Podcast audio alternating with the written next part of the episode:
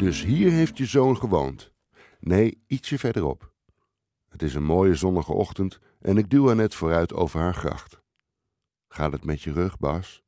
Jawel, alleen zo'n rolstoel lijkt gemaakt te zijn voor kleine mensen en niet voor mensen die 1,93 meter lang zijn. Hier is het. Ze wijst het straatje in en ik volg haar vinger. Annette heeft drie zonen, waarvan er al twee zijn overleden. Het doet mij altijd veel om te bedenken dat ouders hun kinderen overleven. Ik denk aan mijn eigen nog jonge kids en laat de nachtmerrie, die met stip op één staat, niet verder komen dan gedachten zeggen tegen een vage bekende op straat. We lopen door. Met mijn zoon ging het niet goed. Hij dronk nogal veel, net als mijn man. In Frankrijk, waar mijn man en ik een huis hadden, hebben we hem naar een afkikkliniek gestuurd. Dat leek te helpen. De verandering van omgeving en de pillen die hij moest nemen temperden zijn drankzucht en maakten van hem weer een gezonde man. Toen hij ontslagen werd uit de kliniek, zijn wij teruggegaan naar Nederland. Bij aankomst hadden we hem wat geld gegeven om eten te kunnen kopen. In de avond merkte mijn man dat we zijn pillen vergeten waren uit Frankrijk. De volgende dag zou hij ons meehelpen met een interne verhuizing. Hij belde in de ochtend wat chaotisch op en zei dat hij niet kon komen. De voornaamste reden was dat het volgens hem zou gaan regenen. Mijn man vertrouwde het niet en is toen naar hem toegegaan. Hij trof onze zoon aan tussen de drankflessen, liggend op de grond. Hij ademde niet meer en was al koud. Hij heeft zichzelf letterlijk doodgedronken. Ik laat haar het wat zakelijk vertelde verhaal op mij inwerken. Net op het moment dat ik er nog iets over wil vragen, zegt Annette: Kijk eens hoe mooi het hier is, Bas. Alle bomen krijgen weer knoppen. En hier op dat bankje zat ik vaak te lezen.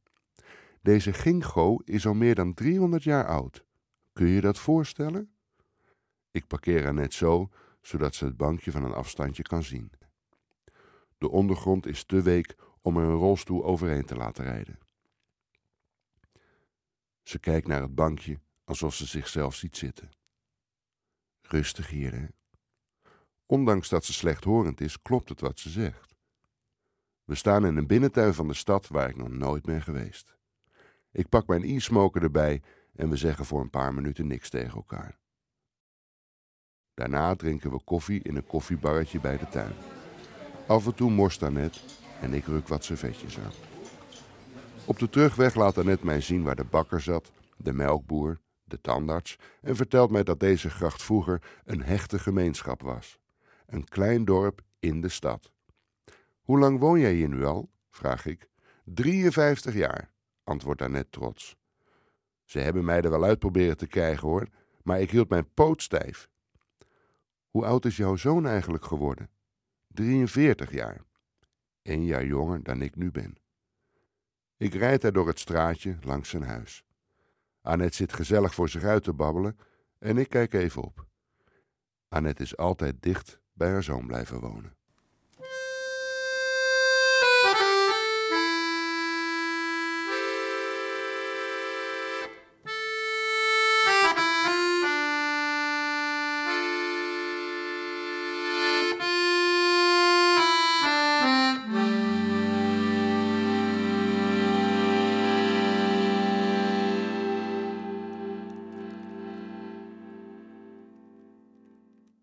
Zin in nog meer podcasts? Luister ook eens naar deze van NPO Radio 1 en Avro Tros.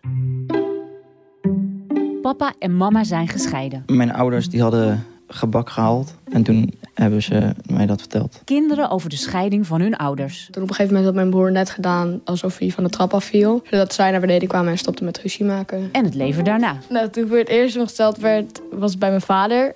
Maar ik had het liever bij mijn moeder gewild. Ouders die weer verliefd worden. Ik wil echt niet weten hoe zijn profiel op een datingsite eruit ziet. En nieuwe gezinsleden. Ja, het was inderdaad een vreemde vrouw in het begin die met haar dochters ineens langskwam. Luister naar Papa en Mama zijn gescheiden vanaf 19 november op jouw favoriete podcast-app. Bijvoorbeeld Spotify.